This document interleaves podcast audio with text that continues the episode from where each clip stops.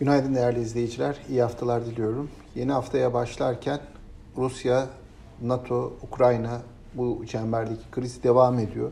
Hafta sonu bu krizin boyutları e, bizleri daha fazla etkileyecek şekilde e, genişledi.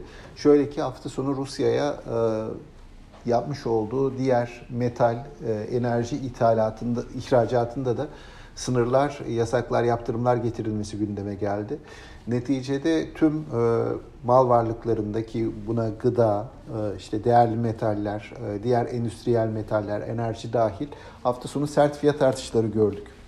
E, bu fiyat artışları tabii piyasalarda, küresel piyasalarda endişelere e, yol açıyor. Bu enflasyonist baskının ne kadar süreceği, bunun ne tür e, daraltıcı etkileri olacağı e, piyasaları endişelendiriyor.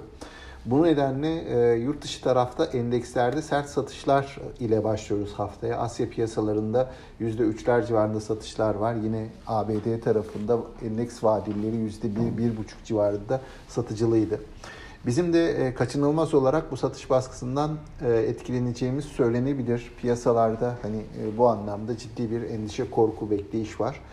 Dolayısıyla haftanın başlangıcında biz borsa tarafında satıcılı bir seyirle haftaya başlayacağımızı düşünüyoruz. Sonrasında bu Rusya gelişmeleri piyasalara yön verecektir.